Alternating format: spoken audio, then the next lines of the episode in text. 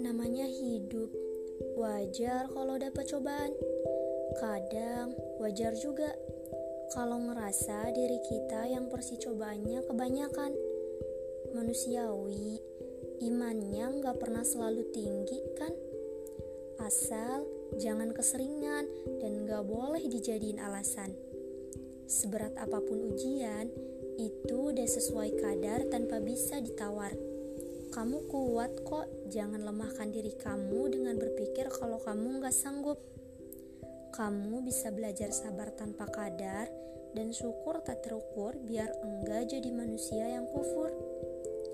Selagi masih bisa ngelihat Arunika di pagi hari, enggak ada nikmat Tuhan yang patut diingkari. Kalau hari ini lelah enggak masalah, sabar ya, besok semangat lagi.